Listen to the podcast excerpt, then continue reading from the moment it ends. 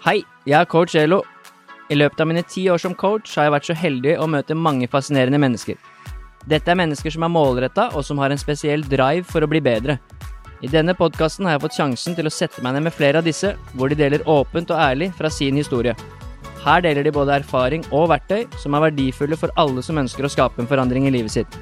Har du et mål eller et ønske om å forandre noe i ditt liv? Da er denne podkasten for deg.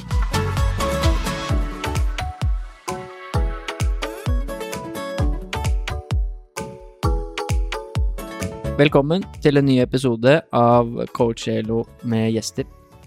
I dag så har jeg med meg en tidligere ishockeyspiller, eh, og det har jeg aldri hatt før. Så jeg gleder meg til å, å høre litt om hvordan det er å være ishockeyspiller, og litt hvordan de trener og eh, drar litt paralleller rundt fysisk trening og skader og garderobekultur, ikke minst. Han heter Brede Cissar, og han spilte nesten hele sin karriere i Vålerenga. Han skal fortelle litt om det seinere. Han har vært eh, kaptein for Vålerenga, han har vært innom landslaget, og det blir spennende å høre hans reise. Så velkommen til deg, Brede. Takk for det. Du er i Lier. Ja, hjemme hos deg. Hyggelig. Ja, det er hyggelig. Akkurat vært inn i Oslo, på Jordal. Der har jeg aldri vært før, så jeg, har ikke, jeg fikk jo aldri sett den gamle hallen, da, men nå fikk jeg sett den nye. Den er ganske strøken, den nye arenaen. Ja, den er, den er veldig fin. Eh, Jeg spilte aldri der selv, jeg slutta før, eh, før den ble klar, men vi som spilte i den gamle på gamle Jordal, og nye Jordal, som det på folkemunne heter nå, så det er eh, Vi tapte den, for å si det sånn. Så de som spiller der nå, de har det veldig bra.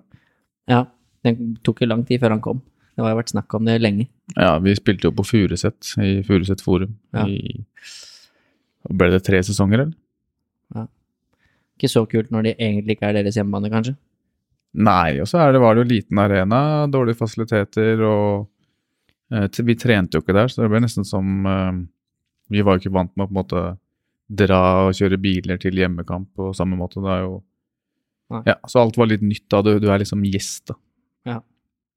Men det var uansett i hvert fall kult å få vært der inne da, på Jordal og sett litt hvor du har spilt og vokst opp. og Der har du tilbrakt mye tid.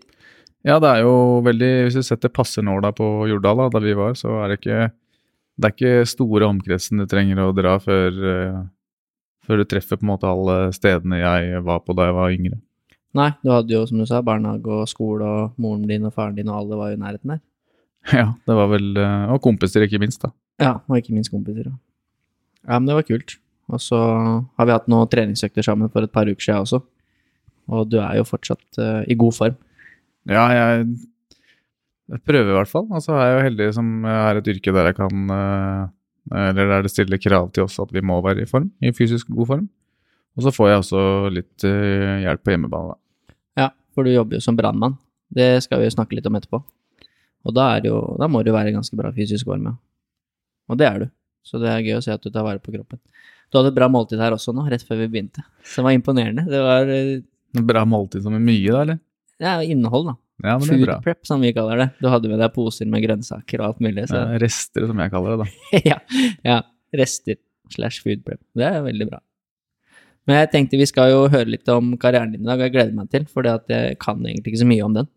Jeg veit du har spilt hockey. Eh, Jeg kan ikke så mye om hockey heller. Men eh, jeg har faktisk vært i Madison Square Garden. Ja, det er bra. Jeg har sett én hockeymatch i hele mitt liv, og den så jeg der. Så Ja, men det er ikke, det er ikke gærent sted å starte det. Nei. Da så jeg på Sukka, og det er Zuccarello. Det er vel ti år siden nesten, tenker jeg. De tapte, da. Han bomma på sånn straffe på slutten. En sånn straffe. Ja, det var sånn straffekonk. Å ja, sånn straffekonk. Men da hadde han akkurat blitt kjent for at han hadde blitt, var god på straffer, da. Ja. Og så var det den første bommen han hadde. Så det var litt uh, antiklimaks. Men det var gøy, da. Kul opplevelse. Ja, det vil Ja, jeg tror jeg har vært der selv. Jeg har sett på det. er veldig, veldig gøy, altså. Ja, det var veldig kult. Kul, uh, liksom kult, kult show, da. Opplegg. Vanskelig å se pucken når du sitter langt oppe på tribunene, men eh, det var gøy. Sånn er det jo litt i statene da, de, når du drar på kamp der, uansett hvilken idrett det er, så er det jo majoriteten av tilskuerne som drar dit kun for opplevelsen av showet, liksom. Ja. ja, det er kult. Vi skal snakke litt om hvordan det er i Norge også, for det er jo faktisk ganske mange som eh, Ikke nå, da, pga. korona, men ellers er det ganske mange som ser hockey i hall. Så det kommer litt innpå etterpå. Men uh, før vi skal høre på det, så må vi ha noen fun facts. Og jeg kjenner din eh, forlovede, Amanda. Ja, jeg vet. vært coachen, eh, eller hjelper henne med litt fysisk trening. Så jeg fikk noen fun facts av henne. Og hun var ganske sånn eh, klar på det, virker det som. Jeg skal finne fram noen av de. Den, den ene har du jo nevnt til meg sjøl, så vi kan begynne med den. Og det er at du har Eller hun skriver da at du har den svakeste leggmuskulaturen i Norges historie. Ja, det var Så- såpass, ja. Men du sa jo selv faktisk når vi trente, husker ikke hvilken sammenheng, at du hadde svake legger, eller tynne legger. ja. Tynne legger eh, og svake legger og eh, vondt i leggene og Ja, for det er vondt akkurat nå, faktisk. Ja, vondt. Jeg nevnte det i stad. At eh, uff, det er et eller annet Jeg vet ikke, altså. Det er noe gærent. Tror jeg, kanskje. Ja. Og hvorfor har du så svake legger? Trenger ikke det på hockeybanen, kanskje? Nei, vi har jo skøyter, da, som er ganske stive, og det er ikke helt sånn alpiniststøvler, liksom. Men aldri trent legger i det hele tatt. Det har vært mye løping i trapper og styrketrening tungt, liksom. Aldri prioritert eller hatt uh, leg extension, eller Leg extension er jo noe annet, kanskje. Ja, det er lårmuskulatur. Ja. har du- Lårmuskulatur har du nok av. Ja, ja, men sånn det er tåhev og sånne ting det har aldri vært noe på vårt program. Da. Så da blir det til at man eh, ikke trener det, da. Så er det selvfølgelig noen som er litt mer begava på leggmuskulatur enn andre. Ja. ja, det er veldig mye, faktisk veldig mye gener på Mm. leggmuskulatur. Da er det veldig rart, for hadde du sett faren min, så han er jo, er jo gammel uh, bordtennisspiller. Og da står det jo på leggene hele tiden. Han har, de, altså han har like store legger som jeg har lår. Ja, det blir vel sikkert Han har brukt det mye, da. Når du slider på skøytene, så er det kanskje ikke så mye legg, det er vel mer lårmuskulatur, kanskje. Ja, nei, dem, eh, det er nå de leggene jeg har fått, og da får jeg liksom gjøre det best ut av det. Ja, ja det, det var ikke så ille, syns jeg, altså, når vi var og trente. Men det er greit. Og det, det er to til. Da. Den andre er Den har jeg ikke hørt noen ting om, men at du tror du kan prate fransk. Jeg skjønner ikke helt hva Ja, hun, hun tror at jeg ikke kan snakke fransk. Ok, men du kan egentlig Jeg kan jo, jeg sier jeg var jo på språkreise i Frankrike eh, da jeg var sånn 16 år eller noe, Ja. i eh, litt over tre uker. Og da lærte du det flytende på tre uker? Ja, eller hun jeg bodde med, da, hun vertsdama, hun kunne ikke engelsk i hvert fall. Nei. Og jeg kunne jo ikke mye fransk, kunne bøye noen verb og sånn, som jeg hadde lært på ungdomsskolen. da. Men uh, etter det så følte jeg at jeg beherska fransk ganske godt. Men jeg har jo sagt til henne at eh, gi meg en uke eller to i Frankrike, så skal det sitte ganske greit. Altså. Jeg har jo faktisk begynt å ta opp igjen fransken nå, da, på, Ja. av alle ting. Jeg føler at jeg ikke har nok å gjøre på kveldene, så sitter jeg med den der eh, duolingo, som det heter. Og leser og snakker til dataen og ja, det er jo Jeg vet ikke hva det er, men eh, Du syns det er gøy med fransk? ja, språk generelt, da. Er Ja. jo, det er jo bare bra å beherske det, liksom. Ja. Er det du, skal du snakke noe fransk nå? Får vi noe Nei, altså, kan du fransk? Nei, jeg kan er ikke. det jo ikke noe vits i, Jeg kan ikke det. Men uh, det kan hende vi må få fram en eller annen gang. Men, uh, Ja, så du kan litt fransk? Jeg føler jeg kan uh, alt det grunnleggende fransk, da, så jeg kan beherske Hadde fungert fint i hverdagen, liksom. Ja. Eller ikke i hverdagen sånn, eh, sånn eh, jobbmessig, men jeg hadde nok klart å gå rundt der og bestille på restaurant og snakke litt og sånn. Hva er grunnen til at Amanda mener at du ikke kan det? Det er sikkert fordi hun aldri har hørt meg snakke, da, og fordi okay. kanskje jeg sier at jeg behersker eh, på en måte som eh, at mulig jeg smører litt på, da. Ja, ja det er, det er lov, det. Og jeg har jo, ikke, jeg har jo faktisk ikke snakka fransk med de franske lagvenninnene hennes opp igjennom heller. Nei. Nei, det hadde Så vi er ikke der. eh, Du hadde sikkert imponert hvis du hadde gjort det, da. Det hadde vært gøy å høre deg prate fransk en gang, men det er i hvert fall Du mener at du kan det, og Amanda mener at du er ikke så sikker, da. Ja, så da da tenker jeg at neste ferie blir til et fransktalende land. Ja, det blir kult. Da er det du som bestiller maten. Og den siste er at du er verdensmester i å klage på ting som du mener er feil, og primært kundeservice. Er det noe du Du er ikke glad hvis det er dårlig kundeservice? Nei, jeg, jeg klager hvis jeg mener at eh, noen eller noe tilbyr et eller annet som ikke leverer det, de, det jeg mener eh, i den stilen som skal leveres. Da, da jeg syns jeg det er greit å si ifra, liksom. Både for min egen del, men også for dem sin del. Altså, jeg gjør det egentlig kanskje litt, litt for min del, for å få utløp for noe, og så litt for dem sin del, for å tenke at det må hjelpes for å komme litt videre. Det er tilbakemelding, egentlig, til dem, for at de kan ta steget. En konstruktiv tilbakemelding. Ja. Har du noen eksempler på ting du klager på? Er det sånn hvis du får mat på et restaurant, er det sånn som sier fra deg At dette her var ikke Ja, da skal det være dårlig. Jeg, jeg har sagt Jeg var på en eller annen eh, restaurant i Oslo for mange år siden. Og da fikk jeg hermetisk sjampinjong, husker jeg. Og da sa jeg fra. Det likte jeg ikke. Nei. Men eh, nei, det er jo alltid et eller annet å klage på, da. Hvis, det er noe, hvis du bestiller på nett og sånne ting, så eh, Sist jeg bestilte Jeg bestilte faktisk en gave eh, som var til henne, med Der det kom altså et sett da i, i et par, der den ene hadde en annen farve enn den andre. Ja, den er åpenbar, da. Ja, Da den er og da, må du klage. Da må du klage. Men også kan jeg jo klage hvis, eh, hvis uh, forsikringsselskaper og sånn, dem klager jeg til hele tida. Hva er det du ikke er fornøyd med der, da? Nei, men de prøver bare å sno seg unna, da. Ja. Og jeg har liksom ikke Hvis jeg sitter og jobber, eller har tid til det, så kan jeg sitte og på en måte dra ut tida deres, da. For å være et uh, rasshøl, liksom. Ja, det er bra. Jeg, jeg kjenner meg Jeg er litt sånn sjøl. Ja, det er bra. Veldig sånn, egentlig. Så jeg er sånn som sier fra når jeg er ute og spiser òg. Det, eh, det er jo ubehagelig, men det må gjøres. I hvert fall hvis det er, eh, det er på sin plass. Men du sender, sender du tilbake vinen du bestiller òg, eller? Er du der? Nei, jeg er ikke så glad i vin, da. Nei, det er jo Eh, Så der er jeg ikke så ofte. Jeg er mer litt sånn hvis jeg har bestilt eh, medium pluss biff, da, og så er den ikke det, så, og den er dyr, da, Ja. da må jeg si ifra. Det er ikke sånn som bare spiser den, det er ikke, det er ikke greit. Det var ikke det jeg bestilte. Nei. Men det er bra. Det er gøy å klage litt noen ganger. Men det var de fun facts jeg hadde fra mandag. Men det var ikke så litt- halvgærent. det var ikke så gærent, men det var litt gøy. Eh, vi skal jo høre litt mer om uh, karrieren din, egentlig, da. Og det er jo naturlig å begynne litt med sånn Når du begynte med idrett, da.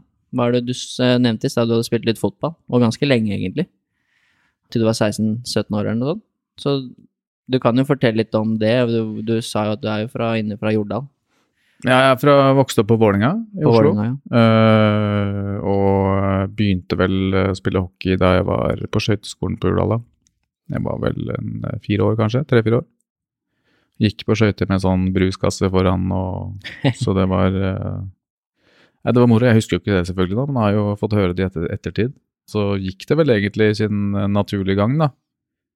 Eh, spilte fotball fordi stort sett alle gjorde det, og det selvfølgelig var gøy. Jeg holdt på med det på sommeren og hockey på vinteren, det var jo da det, det funka. Eh, Så ble det jo til at man ja, etter hvert fant ut hva man kanskje var eh, best i, eller hva man syntes var mest gøy og sånne ting. Og da, for meg så ble, var det veldig hockey. Eh, Og, og vår årgang, 87-årgangen eh, i hockey, vi var veldig vi var veldig gode i fotball òg. Stort sett alle spilte fotball på noen lag rundt omkring i Oslo. Så ble det Eller det var jo Vålerenga, selvfølgelig, da. Men etter hvert når man ble eldre, så satsa jo Vålinga fotball uh, mye mer, og vi liksom måtte ta et valg, da, de aller fleste av oss. Og da hadde vi faktisk en sånn uh, Vi ordna det, eller noen foreldre som tok initiativ til at vi som spilte hockey, vi fikk spille fotball sammen på sommeren òg, så vi var sånn Vi var gode, men vi var liksom ikke det satsingslaget eller sånn som det var før, da.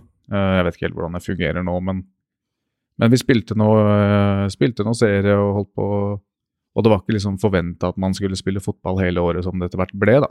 Eh, Så vi holdt på med det til vi var sånn 15-16 år, tror jeg. Egentlig av de aller, aller fleste. Ja, det er vanlig. Jeg kan kjenne meg igjen i det. Så det var håndball og fotball for meg, da, men det var jo samme opplegget der. Men er det, spilte du med noen eh, fotballspillere som ble gode? Er det noen kjente Vålerenga-spillere du har spilt med? Eh, Adam, da. Larsen. Gods, gammel gods, siden vi er i godseland nå. Det er jo så Verden er liten. Jeg spilte jo med Adam Larsen i mange år i Godset. Ja, det kan man se. Eh, Og satt ved siden av han alltid på flyet, for han heter Kvarasei til etternavn, og jeg heter Kristiansen. Ja. Så Adam har jeg tilbrakt mye tid med. Ja, han er fin. Han er jo like gammel som meg, veldig god venn. Han er, vi, bodde, han, vi bodde ikke så langt unna hverandre på Grünerløkka eh, inntil jeg flytta til Sandefjord. Og Adam veldig fin fyr. fyr. Ja. Veldig Og han var fryktelig god i fotball. Ja. Han var en moderne keeper, husker jeg, da han kom. Han var veldig teknisk. Han var god med ballen i beina og spilte på små marginer, og han var kul, kul type. Glemmer litt han i sånn norsk målestokk, at han har jo faktisk spilt VM og alt mulig for Ghana, da, som er veldig stort. Kult, egentlig. Ja, veldig. Det var mange store stjerner han spilte med der. Men uh, han er blitt trener, han nå. Ja, han driver med det FC Oslo-laget, Ja. uh, som er mange Egentlig de, all, mange av de er jo folk eller kompiser av meg som vi har spilt fotball sammen, da, så, som holder på i fjerdedivisjon. Men Adam uh, var god. Mm. Men jeg har jo også spilt, jeg fortalte deg i stad, jeg har jo spilt mye fotball mot Vålerenga opp igjennom. Eh, de var jo da litt yngre enn deg, men de var, fryktelig bra årganger der. De spilte jo stort sett opp, ikke sant. Ja. Så de jo, kjenner jo egentlig flesteparten av de Ja. De var gode.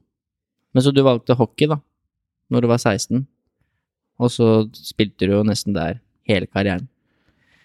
Var ikke langt unna, i hvert fall, sånn fortalt i stad. Nei, jeg, jeg, det ble vel naturlig for alle oss som spilte på det fotball, eller det hockeylaget i fotball, at vi, vi visste at uh, vi kom til å holde på med hockey. da. Vi var, uh, vi var en bra årgang, uh, og er en bra årgang.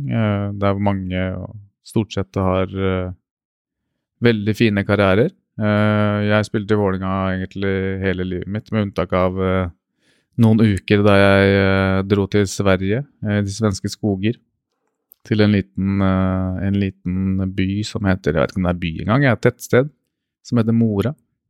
Som eh, Det bor vel kanskje 5000 mennesker der eller noe. Var ikke helt forberedt på eh, livet Oslo, Mora, at det var så store forskjeller. Var ikke moden nok til å liksom eh, bli proff, da, i anførselstegn. Da jeg var i Vålerenga, så jobba jeg jo Jobba ved siden av eh, stort sett sju til tre, og så var det trening halv fem. Så var det jo bare å slappe av eller sove etter det, og så gikk, sånn gikk jo liksom dagene, da. Så jeg husker da, da jeg kom til mora, så Jeg var vel i starten av 20, og jeg er 20 kanskje, 2021. Og så ble det til at man trente på formiddagen, da. Spiste lunsj, og så ble klokka sånn 12-1, og så bare ok, hva gjør jeg nå? Så jeg var liksom ikke Jeg var ikke helt forberedt sånn mentalt da, på å kalle det profflivet, da. Og øh, det eneste jeg gjorde som jeg fikk nytte av, faktisk, var at jeg tok en sånn synstest for å begynne på å ta lastebillappene, For jeg hadde lyst til å bli, bli brannmann allerede da. Så det var vel stort sett det jeg gjorde på de ukene jeg var der, så, før jeg liksom pakka bagen og dro hjem. Og jeg husker jeg var så glad da liksom jeg bestemte meg for å dra hjem, at jeg liksom Jeg tok bare klærne mine og lot alt være i kjøleskap og alt mulig, liksom. Bare tok den og dro hjem. Ja, det var, var ikke lang uh, utenlandskarriere du hadde. Nei. Eh, kunne jo selvfølgelig tenke te Jeg på det litt eh, i ny og ne nå, at var, hvis, vært, hvis jeg hadde vært litt tøffere da, og stått i det og på en måte kriga litt mer, så tror jeg kanskje Altså, det, med de andre som var på det laget, det var et veldig bra lag, og stort sett alle unntatt eh, meg og et par til har jo hatt karrierer både i Sverige og Finland og Europa generelt og NHL og så videre, så ja. Men sånn er det. Ja, var det, var, Dro du dit aleine, eller? Som uh, ung også? Det Ja, var- ja. ja. Så Det var helt alene, liksom. ja. Det hørtes jo ikke ut som det var verdens navle heller du dro til, da. Nei, det var jo litt sånn uh, rake motsetninger fra Oslo, da. Ja. Har du hatt noe tilbud seinere, da? For jeg, de kan ta det med en gang, for jeg syns jo det er kult nå Du hadde de tre-fire ukene der, da. Men utover det så var du jo en lojal spiller til Vålerenga, og jeg syns jo det er litt kult. eh, For når jeg vokste opp og følte mye med på fotball og basket og sånn, så var det litt mer vanlig før. Da hadde Michael Jordan, han spilte alle sine sesonger i Chicago Bulls, og du har liksom Steven Gerrard og de som jeg har vokst opp med, spilte hele sin karriere i Liverpool. Totti Roma, og så Brede Cissar i Vålerenga, da. Men Ja, det er jo fin, øh, eksklusiv klubb å være blitt nevnt i det. Men det var litt sånn for meg òg, da, at mm, de fleste av mine kompiser de hadde jo favorittspillere som spilte i NHL og sånne ting, da. Uh, Men for, for meg så var det aldri Det var ikke Det var litt fjernt, da. Og jeg har alltid bare vært uh, Vålerenga for meg. Da. Så min, mine favorittspillere var på en måte de som spilte på Vålerenga. Og eh, alltid bare liksom ville spille der, da. Så det var liksom ikke noe jag for meg å komme til NHL eller sånn som man gjerne vil når man er mindre, da. Uh, det var liksom stort nok for meg da, å spille for Vålerenga, for å få fullsatt Jordal og sånn. Ja, det er jo, men det er jo mye sjarm i det òg, da. Og jeg syns jo det er jo vanlig at man vil til utlandet, og i andre sporter er det jo kanskje må man det også for å ta steget, da. Men uh, jeg tror også med litt interesse, hvis man har hatt flere sånne typer spillere, da, som var derfra, og som også du har noen å se opp til, da. Du var sikkert en som mange yngre så opp til når du spilte der, altså at du var en av de som de ville bli, på en måte. At ikke nødvendigvis det var en NHL-stjerne, da. Altså, det er veldig bra for klubbene, da. Ja. Det er det. Det er jo stort sett en eh, billig, billig ressurs eh, sånn sett, kontra en du må hente og du vet kanskje er der i to-tre år, så er det mye jobb for, for uh, lite avkastning, kanskje, da. Men uh, selvfølgelig så, så kunne man kanskje tjent mer penger andre steder. Man kunne mest sannsynlig ha blitt bedre hvis man hadde dratt ut og holdt seg ute osv. Men igjen, da. Jeg, jeg, har liksom bare spilt hockey for å spille for Vålinga og vinne med Vålinga. Og det har du gjort en del av? Ja, ikke nok, men uh, noe. I, no, noe. Men du har eh, vunnet både NM og seriespill med Vålerenga. Ja, det har vi gjort. Men eh, hadde du noen gang noe tilbud fra noen utenlandske klubber da, som du vurderte, så når du ble eldre og du spilte jo på landslag og sånn, så jeg regner med du var en habil spiller? Det var jo altså, Jeg hadde liksom aldri agent heller, da. Nei.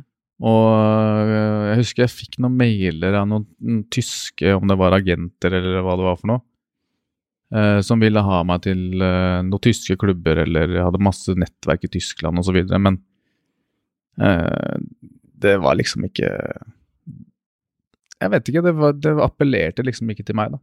Nei. Og så har jeg fått tilbud av eh, selvfølgelig Stavanger og Lørenskog og sånne ting, da. Eh, men eh, det også har liksom alt, alt, det har liksom ikke vært et tema engang. Nei, det var ikke Vi skal snakke litt, litt om den serien etterpå, men det virka jo ikke som der du var så veldig interessert i å spille noen andre norske klubber om Vålerenga, i hvert fall. Nei, og det, det er jo riktig, liksom. Jeg husker jeg fikk et tilbud Husker ikke hvor gammel jeg var, men jeg husker jeg satt på rommet mitt hjemme, liksom, og på dataen og åpna mail og hadde fått et tilbud av, eh, av Stavanger, da, og ble veldig sånn overraska av hvor mye penger man kunne få for å spille hockey, liksom. Ja. På den tida så tjente jeg sikkert sånn 3000 eller 5000 i måneden da, i Vålerenga, og da sånn hvis du spilte halvparten av kampene, så fikk du lønna, liksom. Ja, Så du ble ikke rik på den tida, nei?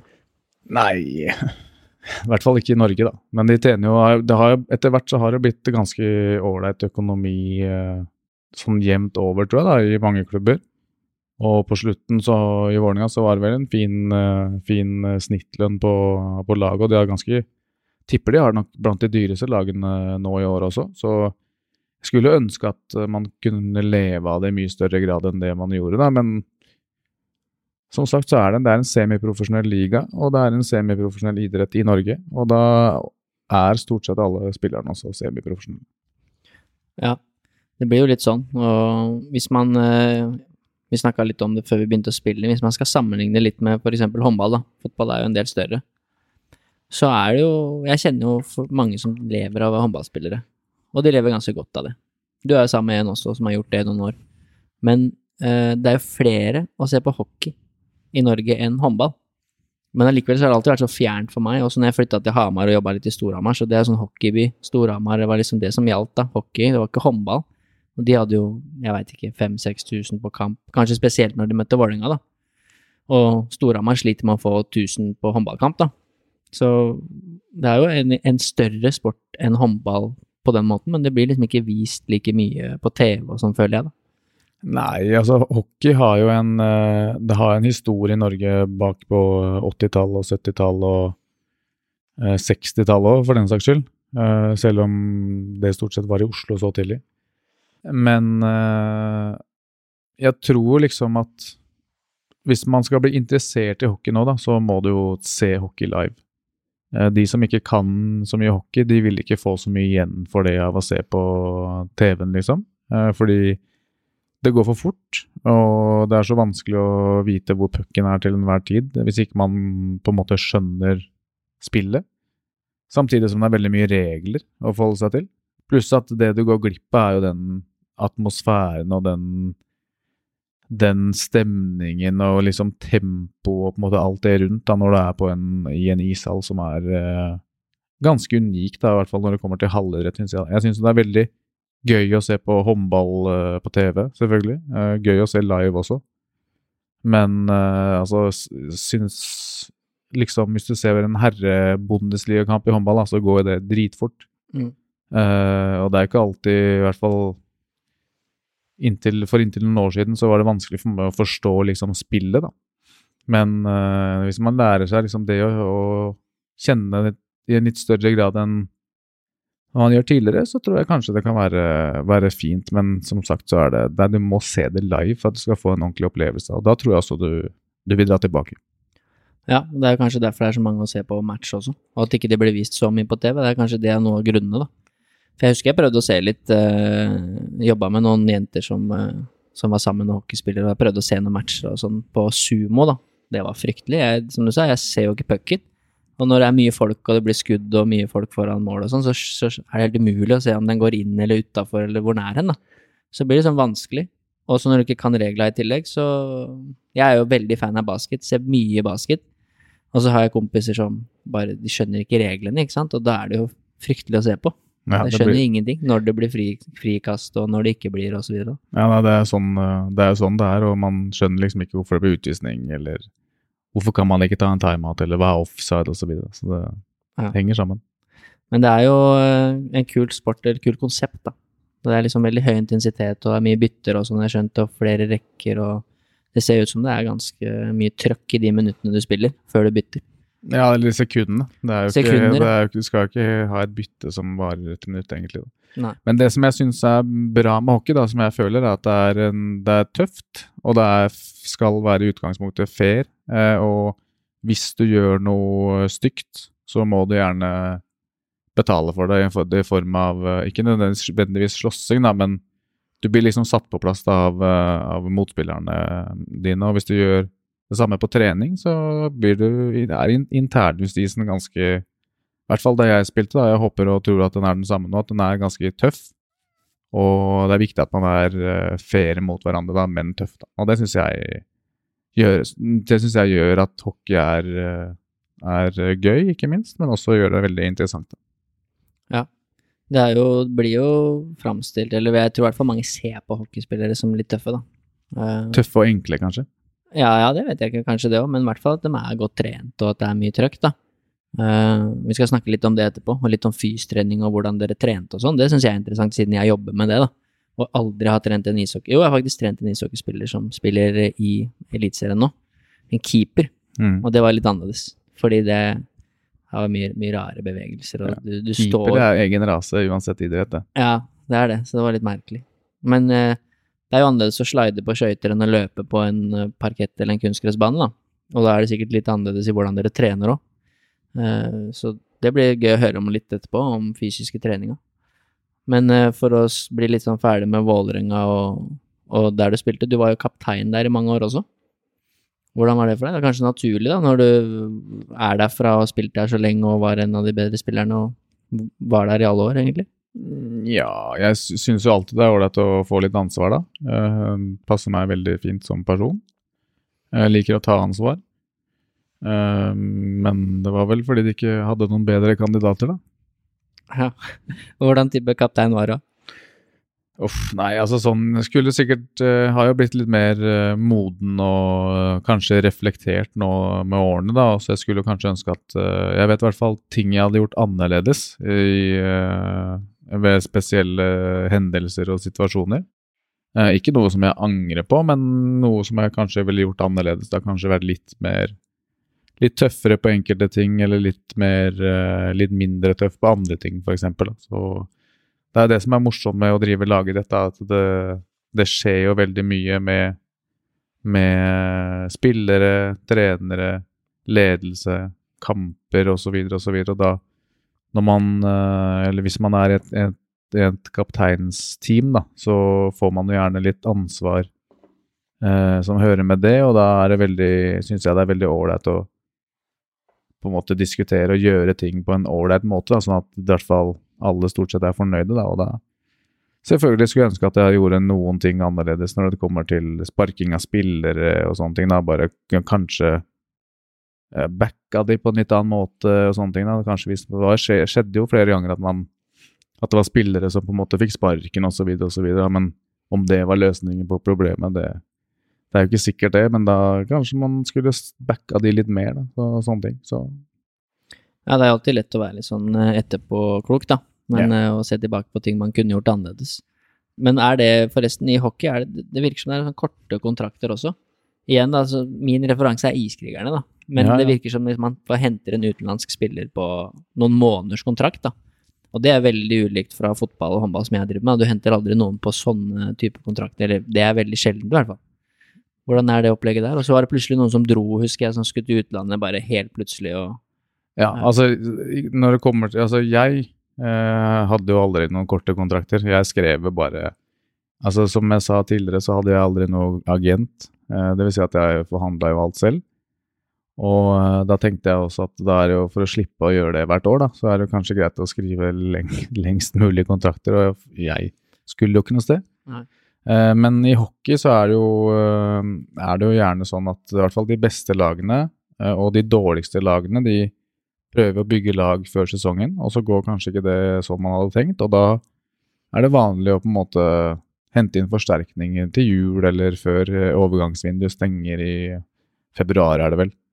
Eh, Så derfor er det veldig mange som uh, henter ganske gode utlendinger, da, som er i Norge ja, i bare noen måneder, og da får man sånn Uten at det skal bli så sånn prat her, men da får man artistskatt og liksom sånne ting, da. Og da kan man ha gode spillere som koster veldig mye, men som man betaler lite skatt for, og så videre. Så da det er ganske normalt i, i hockeyen, egentlig. Og det er jo ikke noe overgangsbeløp det er snakk om. Det er jo, alle signerer stort sett 1 pluss 1 eller 2 pluss 1 eller 1 pluss 2, liksom sånne ting, da.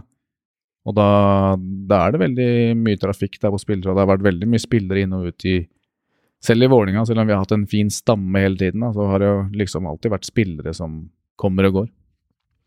Ja, hvordan er det, tror du, sånn, nå sa du jo det, da, at dere hadde en bra stamme der, som har mye å si, men hvordan tror du det er for bygging av lagkultur og sånn, når det er spillere som forsvinner og spillere som kommer sånn inn og ut sånn hele tida, da, for å si det på den måten? Nei, altså For miljøet så er det jo aller beste at man, uh, at man har de samme, uh, samme spillerne med, med litt innslag av nye i ny og ne, selvfølgelig. Men sånn som vi hadde det, da, eller de, de årgangene som, vi, som jeg har spilt, så er det sånn at man har på en måte den norske stammen.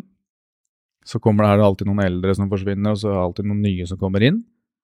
Og så har det på en måte toppene, da, i anførselstegn, at det kommer ganske gode sånne, kall det kanoner, da, fra utlandet.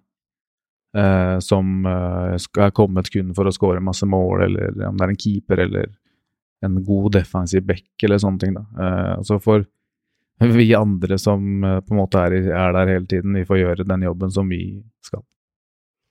Ja, for hvor mange Det er mange Nå blir det mye spørsmål om hockey, da. Høres ut som ikke jeg kan noen ting. Det kan jeg for så vidt ikke heller. Hvor mange er det i en stall, da? For det, det virker jo som det er ganske mange spillere Ja, i en stall. vi har vel øh, altså, Jeg sier vi, jeg, som om jeg spiller fortsatt, men da, i en vanlig så er det vel i hvert fall fire rekker, da, eller fire femmere, som er 20, stykker, 20 spillere, pluss en eller to reserver, eh, og to keepere, da. Så det er sånn 25, kanskje. Ja, det er jo ganske mange i en tropp. Ja. Og hvis du skal, jeg skjønner jo det økonomiske, hvis du skal lønne så mange spillere òg, så blir det jo en del. I håndball så er det jo veldig sjelden det er 25 i en tropp. Da kan du kan ta vekk 7, 8, 9 fra den troppen, da. Mm, og det som er, som er største bakdelen, syns jeg, da, med hockey, er at det er så dyrt. Det er jo mye utstyr, og det er dyrt utstyr. Eh, Køller er dyrere, skøyter er blitt dyrt. Uh, ja, er, og du vokser ut av det. Si hvis du har en, en sønn eller en datter da, som spiller hockey, da, så holder ett par skøyter i ett år, og så koster det 4000. Eller så må du kjøpe ti køller i året som koster 1100 hver seg. ikke sant? Så da, det, er veldig, det har blitt en sånn rikmannssport, egentlig, og det syns ikke jeg noe om. Nei. Nei, det virker jo som det er mye utstyr. Du trenger jo tilsynelatende litt mer når du går ut på hockeybanen enn eh, en del andre idretter, da. Men eh, vi skal ikke snakke så mye om det. Men det vi skal snakke litt om, som jeg vet at du ikke Du er ikke sånn, eh, sånn at du syns det er helt konge, men det er jo Iskrigerne. Vi må jo liksom innom der. Jeg som da bare har sett det på TV igjen, syns jo det var en veldig kul serie. Sånn fra, fra liksom et objektivt syn. Det var liksom bra, som du sa, vi snakka om i stad, det er bra underholdning. Det var kult å se hockey på den måten. Eh, og så var det, virka det som det var liksom en veldig sånn ærlig serie, med ærlige karer som sa det de mente, og eh, Så jeg tror de som har sett den utelukkende, syns at det var kult. Eh, men så er det jo sikkert noe annet å være med på det. Eh, og du hadde jo litt tanker rundt om at, at du skjønte at det var kult, men det er jo ikke alt som nødvendigvis var så kult heller. Så hvordan var det å være med på Iskrigerne? For det blei veldig stort, det blei veldig populært. Og det er det vel fremdeles. De har jo lagd en ny, ny sesong nå, den har jeg ikke fått sett, da. Men uh, der er jo ikke du med, selvfølgelig. Men, uh, Nei, du var med, men du var jo med en del år. Ja, nei, altså, jeg uh, Ja, altså Hadde jeg visst det jeg veit nå, eller hadde jeg syntes det jeg syns nå, så hadde jeg liksom aldri, aldri tillatt meg selv å være med så mye som det jeg var, i hvert fall. Jeg syns at uh, for all del sikkert moro å se på underholdning og så videre, men det er veldig lite nyansert uh, når du har et, uh, noen som filmer deg hver dag i mange timer over et helt år, som klipper og limer og redigerer og holder på, og så viser de det ja, men et år etterpå, liksom. Uh, så for det første så er det jo ikke det de viser ferskt, og for det andre så er det jo ikke Er det jo tatt uh, ting uh, fra to situasjoner som lagd til én, osv., osv., som jeg syns er blir fremstilt feil, da. jeg tror det er noen som var med i den serien som føler at de har fått et litt feil bilde av seg selv også. samtidig som Eh, for det første syns jeg det at det ikke er bra for Vålinga som klubb. Eh, fordi det blir sånn at uh, nå kommer Iskrigeren og spiller liksom, istedenfor Vålinga. Da, så man, man mista på en måte identiteten sin. og i hvert fall for meg, da, som er så glad i, i Vålinga egentlig, da. som alltid har vært en sånn myteomspunna klubb, og alle, alle i hele Norge har hørt om Vålinga, om det er fotball eller om det er hockey eller hva det enn er. Mens plutselig så skulle det bli sånn allemannseie, da. At man liksom uh, Ja, vi hadde strippestraffer og sånne ting, og det var veldig gøy, men du mista liksom alt. Du mista liksom det som var ekte med det, det som var liksom lukka med det, det som på en måte var vårt, da. Uh, og det syns jeg på en måte var det var, noe av det verste, samtidig som at jeg uh, At jeg syns at hvis man skal lage noe, så bør det være for de som er med sin del også. Mens uh, iskrigerne nå, eller iskrigerne da og nå, det er jo ikke, det er ikke noe forskjell på det. Men det blir jo kun lagd for underholdningen, underholdningen sin del. Altså TV 2 driter jo i om hvordan Vålinga gjør det, eller hvordan de personene gjør så lenge folk ser det på TV, liksom. Så, så enkelt er det jo. Og jeg tror at, uh, at uh, det er mange som angrer på at de var med så mye som det de gjør. Så er det noen som selvfølgelig elsker det mer enn noe annet på, på, på hele jorda her. Ja, jeg skjønner jo det er gøy å høre ditt perspektiv, for man har liksom vært med i det.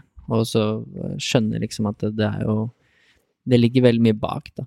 Ja, altså, Der finnes jo folk som, som jeg sa da, som er fornøyd med og vil være på TV hele tiden, og for all del, uh, kjør på, liksom. Og så er det jo noen som ikke syns at det er så gøy, da. Og det som jeg også, som man også må ha i bakhodet, det er at det du ikke tenker på uh, når du er 18, 19, 20 eller starten av 20-årene, da, Eh, eller gjør er, og sier, er ikke sikkert at det nødvendigvis er like smart eller kult når du blir litt eldre. Da. Og det har jeg fått erfare eh, både én og to og tre ganger, for å være helt ærlig, og det er jeg ikke aleine om. da. Der du kan sitte i jobbintervjuer der du får ting på en måte kasta litt i ansiktet. da, At 'å ja, du sier sånn', eller 'du sier det nå', men vi vet jo før at du har sagt det, eller at folk har sagt det om deg. da. Så sånne ting òg syns jeg liksom ikke er uh, man, altså, du tenker ikke over det der og da, og du glemmer litt at det er kameraer der.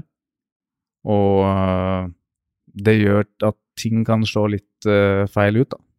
Ja, ja det, den ser jeg. Du, du sier jo mye rart i den alderen der, og spesielt når man er i sånn kampsituasjon og det kanskje det er, det er mye adrenalin og du er i kampmodus, da, så kan det jo bli noen gloser og ting som ikke nødvendigvis er kult eller riktig at skal bli brukt mot deg seinere i en helt annen sammenheng, da, som et jobbintervju f.eks. Ja. Det blir jo, så kan jeg se for meg veldig kjedelig.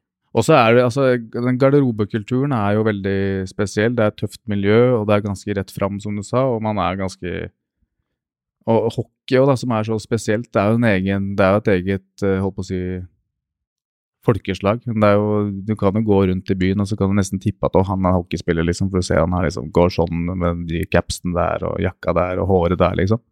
Men det syns jeg det er bare en kul greie, da. Men det er som jeg sa, det, på Hamar er det sånn. Du kan se om han er hockeyspiller eller ikke, når han kommer inn på ja. treningssenteret. Problemet blir jo at hvis du, når du da, sånn som han liksom beter seg og snakker i en hockeygarderobe, da. For de som har sett på isskrekkerne, tror at det er jo sånn man uh, snakker og holder på til alle døgnets tider, og det er jo ikke nødvendigvis uh, sånn det er, eller sånn det bør være. Nei, det er jo litt annerledes å være Nå har vi som sagt trent sammen et par ganger og liksom prata litt, og så når jeg var og spilte inn med Amanda Det er jo litt annerledes å snakke med deg nå enn Brede Cissar som er med på Iskrigerne. Ja, det tror jeg han mest egentlig eh, på grunn av meg selv òg, da. Du ser jo liksom Som jeg sa, da, så filma de, og så gikk det et år, og så, så gikk det kanskje litt, og så da hadde de begynt å filme igjen. Og så var du liksom oppe, så tenkte du liksom ikke over det, da, men eh, når du blir litt eldre, da, så bare tenker du at det her ser jo ikke bra ut i det hele tatt, liksom. Så det er kanskje at i hvert fall jeg fikk en liten sånn Ble litt flau, da, av å se, se hvordan uh, hele greien uh, utarta seg, og ikke minst hvordan jeg var. Så få sett, sett det litt sånn uh, utenfra var veldig, tror jeg var greit for min del, altså. Ja, for du har sett uh, Jeg så jo og sånn, eller? Ja, vi så jo Jeg så i starten, liksom, men jeg har ikke sett uh, Jeg har sett noen klipp, selvfølgelig, som dukker opp her og der, men uh, jeg har ikke sett de siste to-tre sesongene. Nei. Men det er jo det som, er, som jeg syns var kult med det, var at det virka veldig sånn ekte. Og den garderobekulturen for meg som har spilt fotball og sånn, det virka liksom veldig ekte, og man kødder litt med hverandre, og man har botsystem, og man har liksom alle de tingene, rettssaker og sånn. Sånne ting syns jeg var kult, da. Uh, som ikke nødvendigvis er så, så, negativt. Det er bare gøy, da. En del av sporten. Og så syns jeg det var veldig kult uh, Jeg husker ikke hvilken sesong, også, men det, var liksom når den siste kampen på Jordal, da. Da fikk man jo se, og da så man jo deg en del. Uh, det så ut som det betydde ganske mye å ha spilt der, når man på en ja, måte. Ja, altså selvfølgelig når man Når det Det var mye følelser. Det var et sted der man tilbrakte liksom hele barndommen og hele, hele livet sitt, egentlig, da. Og folk som ikke er fra Vålinga, og folk som ikke har liksom drevet med hockey, uh, forstår det uh, kanskje ikke like godt som de som har det, men for vi som har levd der og vet hvordan det har vært Eh, på Jordal spesielt, og det var, det var, og jeg håper det er, en spesiell eh, atmosfære der. Det er en spesiell kultur, bare det med de folka som er, jobber der, og de folka som går rundt i gangene. Liksom, det, er, det, er en, det er veldig spesielt, og det er på en måte det da, som, eh, som sitter igjen, eh, som i hvert fall jeg ikke skulle vært foruten, på godt og vondt. Og det er klart, når, når, det, blir, når det blir revet, liksom, så er det Du vet at du aldri skal spille der igjen, så så er det spesielt. Og det var det. Ja, det var uten tvil. Man så at det betydde mye for mange. Og det er som du sier, man har noen sånne karakterer i en del lag. sånne fri, Jeg veit ikke om det, han var frivillig, da, eller han fikk lønn, eller Men man har noen sånne karakterer, da. Gjerne som vi kaller for oppmenn eller eh, administratorer og sånn. Og det var jo en roer Roar der som ble ganske ja. populær, og du så det betydde veldig mye for han òg. Og han kokken og sånn, de syntes ikke det var noe kult at det skulle rives, det greiene der. Nei, de syntes nok at det var kult at det skulle bli revet og bygd nytt, for det var jo på, i aller høyeste grad på tide. Men, eh, men det er bare liksom når den virkeligheten slår deg, da, så, det, så ser man at det betyr mye for mange, da. Og det er jo liksom det som gjenspeiler hele, hele klubben og hele stedet. Ja, Det, og sånn skal det jo være. Og det syns jeg var noe av det kule med det også. Det virka som, jeg veit ikke om det er sånn i hockey lenger, men det virka som dere hadde en del rivaler det var en del eh, lag som liksom De skulle faen ikke tape mot, og det var Lørenskog og Storhamar Det virka som det var flere. Stavanger òg, etter hvert. Sånn kjøpelag som plutselig kom inn og begynte å skulle yppe seg og sånn. Og det, det, sånn skal det være, syns jeg, da. Da kommer flere å se på, det blir mer interesse, og det mangler jo litt. Sånn som i håndball, så finnes jo ikke det. Det er ikke noen rivaler eh, i håndball, liksom. Du har Vipers og Storhamar, men det blir liksom ikke det samme, da. Og det skaper jo en litt uh, ekstra bless, det òg, da. Ja, det er det som på en måte her, uh, som vi var inne på tidligere, og liksom med historien til hockey, at det har alltid vært en historie, historie der både for folk og for spillere og uh, trenere, egentlig. da, Og hockeymiljøet er så lite, så det er jo gjerne en gammel spiller som er trener osv. Så, videre, så det betyr, det betyr mye mer, da. Og det syns jeg også at uh, Jeg håper ikke det forsvinner fra, fra hockeyen, for da vil mye av sjarmen forsvinne. Ja, man får jo håpe først og fremst at disse restriksjonene blir bedre etter hvert, så folk faktisk kan gå på kamp. Nå har de fått en arena som rommer en del, var det 5000? Noe sånt? Fem og et halvt, tror jeg. Ja, den var ganske rå. Fikk titta litt inn der i stad, selv om vi ikke kunne gå inn. Men eh, du la jo opp som hockeyspiller relativt ung.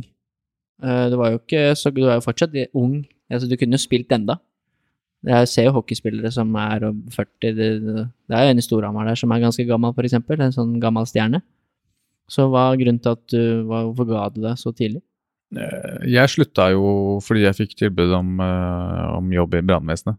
Ja. Eh, så jeg, valget var ganske enkelt for meg, altså. ja, jeg ble lei på slutten, og jeg syntes det liksom kosta mer enn det smakte, og det var ikke like gøy å spille. Uh, og da er det liksom tungt å gå på trening uh, hver eneste dag og legge ned så mye tid og arbeid da, når ikke, ikke du synes at det er like gøy, da. Uh, så nå er det vel tre år siden jeg slutta, og jeg, jeg, har ikke angra et sekund. Jeg har ikke savna det et sekund heller. Og føler at jeg liksom tok det riktige valget, da, og det vet jeg at jeg har gjort òg, så det er jeg liksom ganske trygg på, da. Men for meg å liksom slutte med det jeg liksom alltid har drevet med, som var liksom det kuleste og det mest morsomme i hele verden. Eh, å slutte av egen fri vilje, det er noe som, som jeg er veldig takknemlig for, da. Fordi det er jo mange mm, spillere som havner i situasjoner der de må slutte pga. skader, eller om de blir for gamle, eller om de blir for dårlige, eller et eller annet. Og bare det å slutte fordi man vil, fordi man vil gjøre noe annet som er da enda kulere, det no, er noe som jeg kan, kommer til å sette stor pris på seinere. Ja, det, det, er en veldig fin måte å se det på. Det var jo litt det mitt neste spørsmål, liksom, hva er grunnen til at du var lei, da? Du sa du var lei, og du var jo relativt ung, og du har holdt på med det lenge. Men det er jo litt sånn unikt at man kan slutte til noe du syns er mer kult, og du savner det ikke heller. Du veit at det er riktig. Jeg kjenner jo mange som har slutta, og som, som kanskje sliter litt mer med det, da at de slutter. Kanskje det er andre grunner til at de slutter, skader og sånn, som gjør at det er mer kjipt, men som bruker mye mer tid på å finne seg sjøl og hva, hva, er det jeg skal drive med nå, liksom. Du gikk jo rett inn og begynte med noe annet. Jeg tror også det har noe å si med at jeg på en måte aldri har kun spilt hockey. Jeg har aldri kun drevet med det og ikke gjort noe annet. Jeg har alltid jobba ved siden av. Eh, gjort det egentlig siden jeg gikk ut fra videregående. Og for meg da, så har hockey vært eh, jeg kan si det litt sånn banalt, men det har vært en godt betalt hobby, liksom.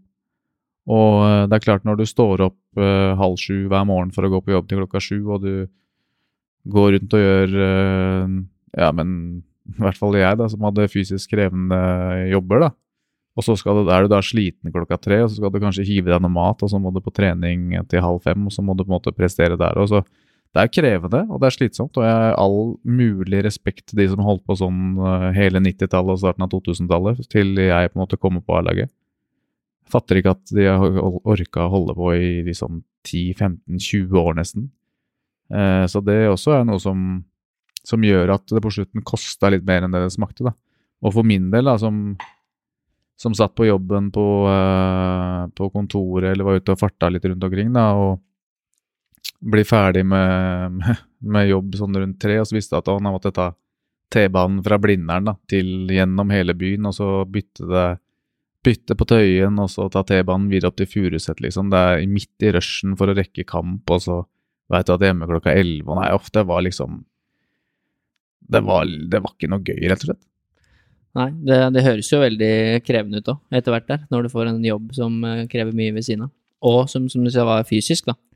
For du er jo brannmann, og det er jo Ja, altså nå har jeg aldri kombinert brannmannyrket med hockey, da. Det lar seg liksom ikke gjøre i og med at du jobber turnus og jobber døgn og sånn, men. Eh, men eh, Men hva skal jeg si, det er jo jeg som ikke har noe utdanning, da, om jeg får si det sånn. Uh, blir jo litt sånn at man havner i jobber der man må gjøre, gjøre ting med hendene eller med, med, beina, med kroppen generelt, og da det skal man jo sånn strengt tatt bruke, bruke kun til idretten. Ja, det er jo ikke noe gærent i det. Det er vel ganske mange som har lyst til å bli brannmann. Det er jo ikke et uh, dårlig yrke. Å, Nei, det er mange søkere som søker når det er ledig stilling, i hvert fall. Ja. Vi skal snakke kanskje litt om det etterpå, hvordan det er å jobbe som brannmann, og liksom hva den jobben går ut på, hva du gjør og sånn, litt kort, da. Men uh, greit å liksom bli ferdig med hockeykarrieren din. Uh, så du ga deg ganske tidlig på, og nå forklarte du hvorfor, og det er jo veldig forståelig, da, at du, det blir sånn. Og nå er det jo sammen med en som jeg håper hun spiller noen år til, da. Men det kommer vel en tid hvor hun også kanskje eh, kanskje skal velge å gjøre noe annet. Det kan jo være kjekt å ha deg som har gått gjennom det sjøl. Ja, hun er jo veldig Hun har sterk personlighet, da, Amanda, liksom. Så hun, hun, vet jo hva hun driver med, og hun studerer ved siden av håndballen og er mye flinkere og mye mer sånn dedikert til, til det håndballen og alt det rundt enn det, det, jeg var, da. Så jeg vet ikke om jeg er noen sammenligning for henne der. Men uh, men uh, jeg, tror, jeg, jeg, tror, i hvert fall at det er viktig å drive med noe annet enn uh, kun idretten, om det da er studier eller hva det nå enn er. så tror jeg, i hvert fall for min del, at det var veldig fint å koble av. Uh, selv om det kanskje til tider ble litt mye. Så tror jeg også at, at det er sunt òg, da, for å, at, for å forberede seg til livet etter karrieren, da, så tror jeg det lønner seg å drive med studier eller det, det, jeg nevnte, for å få et nettverk, kanskje, eller du vet liksom at du er ikke helt på bar bakke da, den dagen, den dagen du slutter, og det er liksom kjedelig å på en måte være avhengig av eh, klubben du slutta i for å få deg en jobb, f.eks. Eller at du er avhengig av å kjenne noen som kjenner noen som har en, tilfeldigvis en jobb til deg. Da. Så mm, det er liksom kun, kun positivt å drive med noe ved siden av idretten, syns jeg. da. Ja, det er litt gøy at du sa Jeg prata jo litt med Amanda, hun har jo vært med i podkasten, og da snakka vi litt om det. Uh, og fortalte at hun har begynt å studere litt og endelig liksom har funnet noe som hun interesserer seg for, annet enn håndball. Og det har jo hjulpet litt gjennom skadeperioder og andre ting også, at man har noe annet som også man driver med, da. Det er en helt annen tid nå da enn da jeg spilte, og vi var jo altså, Da vi kom opp på eh, A-laget, eller vi, vi, som gjorde det, da, vi, det var liksom ikke snakk om studier, eller det var ikke så seriøst, på en måte, uh, som det det er nå, da. Og, og det er jo bra, det, for all del. Uh, men nå er det liksom sånn skal du drive med idrett nå, toppidrett, da, og har ambisjon om det, så det, det, stiller så ekstremt mye høyere krav til deg selv som individ enn det det gjorde tidligere. Ja, det fungerte på mm, alle mulige områder, men tiden nå er litt annerledes enn det det var da. da. Og selv om ikke høres ut som jeg er 60 år, nesten, men selv om, selv om jeg bare er i starten av 30-årene, så er det på en måte Den utviklinga skjer fort, da, og, og, og sånn, sånn, er det, liksom. Og man må liksom bare henge med. Ja, det er, det er, helt riktig det du sier der. Det stiller nok høyere krav nå til å bli god, og hvis du skal spille på høyest nivå, så, så er det ikke alltid du har mulighet til å drive med alt mulig annet heller, for at folk blir så gode, da. Men eh, det som også eh, forandrer seg, og som fremdeles gjør det, er jo fysisk trening. Og det går jo framover hele tida. Uh, og jeg kan ikke så mye om fysisk trening i hockey, uh, annet enn det jeg har sett på Iskrigerne, og blitt fortalt av deg. Og du har jo sagt det at dere trente jo mye, og tilsynelatende gjorde dere noe riktig, for dere var jo godt trent. Men eh, det var jo også kanskje litt sånn gammeldags til tider, eller var ikke så veldig sånn nytenkende alltid. Så kan du si litt om hvordan, hvordan Nå veit jeg ikke, men hvordan var det når du spilte hockey? Hvordan fystrening dreiv dere med, og hva var liksom planen bak eh, det man holdt på med, da? Nei, det, jeg tror liksom de som For det første, da, så er det vel veldig få av uh, klubbene, i hvert fall i Norge, da, som har egne fysiske trenere. Uh, det er vel kanskje bare en par-tre stykker som har det. Det vil jo da si at uh, de som trener laget, må kjøre det fysiske på sommeren også. Og da er det jo gjerne bare å trene mye. Egentlig samme hva det er, bare å trene mye. Og, men da vi var yngre, da, så hadde vi Vi var jo veldig ofte i enten Holmenkollen eller i Linderudkollen og løp og hoppa trapper. Og jeg hadde en gamle, vi hadde, vet ikke hvor gamle vi var, jeg sier vi var sånn 16-17 år da. Jeg begynte å bli junior der. Og da da var det jo gjerne sånn at han treneren vi hadde, som var en gammel ja, Han var gammel mann da, og gammel mann nå, for den saks skyld. Men uh, han var sånn at da du skulle trene mye og trene hardt for å bli best. da, Og det er jo, konseptet er jo der, liksom. Og sånn var det jo da. Men det vi husker han sa det at vi skulle hoppe de trappene i gamle Holmenkollen, som det var nå. Så jeg vet ikke om det er så mange som vet hvordan det var da. men de var mye hardere enn det de var nå, mye høyere. Og da sa det sånn at hvis du hopper opp én gang og klarer det uten å stoppe, så trenger du ikke hoppe mer. Men det var det ingen som klarte, så da måtte vi hoppe opp og ned tre ganger. da. Og da, Det er klart det er mye løping og mye hopping i trapper, eh, og mye vekter sånn sett, men mye tunge løft og olympiske løft. Men det var bare mengde, liksom. Men jeg vet ikke om det var noe særlig, særlig tanke bak det. Skulle bare være mye. Ja, du kom jo ganske langt med mye også. Eh, du får jo til noe, og det tilsynelatende var dere jo i god form. Men er det kaller for barmarkstrening? Ja, barmark, barmarksesongen. Ja, når du holder på i trapper og sånn? Ja. Men hvis du ser til eh, nå f.eks. NHL og sånn, jeg vet ikke om du følger med der, jeg følger med på en del coacher derfra, og noen som driver med hockey, så virker det som ting er litt sånn gjennomtenkt der, og det virker som de spillerne er veldig godt trent, og det er litt mer plan kanskje med hva de gjør. Løfter sikkert tungt de òg, men at de kanskje gjør litt mer sånn kjedelige ting, da. Oppvarming og mobilitet. Og jeg husker det var en kar oppe på Storhamar som hadde vært og besøkte klubben der, da, altså hockey, eh, fra USA. Og så kom jeg i prat med han, han var fystrener. Og da fikk jeg være med å se noen av disse hockeygutta skulle kjøre et program, da, og det var fryktelig mye oppvarming. Og jeg veit ikke om det er det som er standarden, men han hadde veldig trua på det, og det var mye av det den dreiv med i USA, sa han da. Ja, jeg tror altså I statene så har de jo De er jo, er jo langt framme når det kommer til fysisk trening og hvordan de holder på. Uh, men uh, til sånn som vi hadde det, da, så var det, måtte vi bare ta, liksom, ta, ansvar selv og trene mye. og etter hvert når vi, da vi var på noe ungdomslandslag og etter hvert A-landslaget, så fikk vi trene på Olympiatoppen.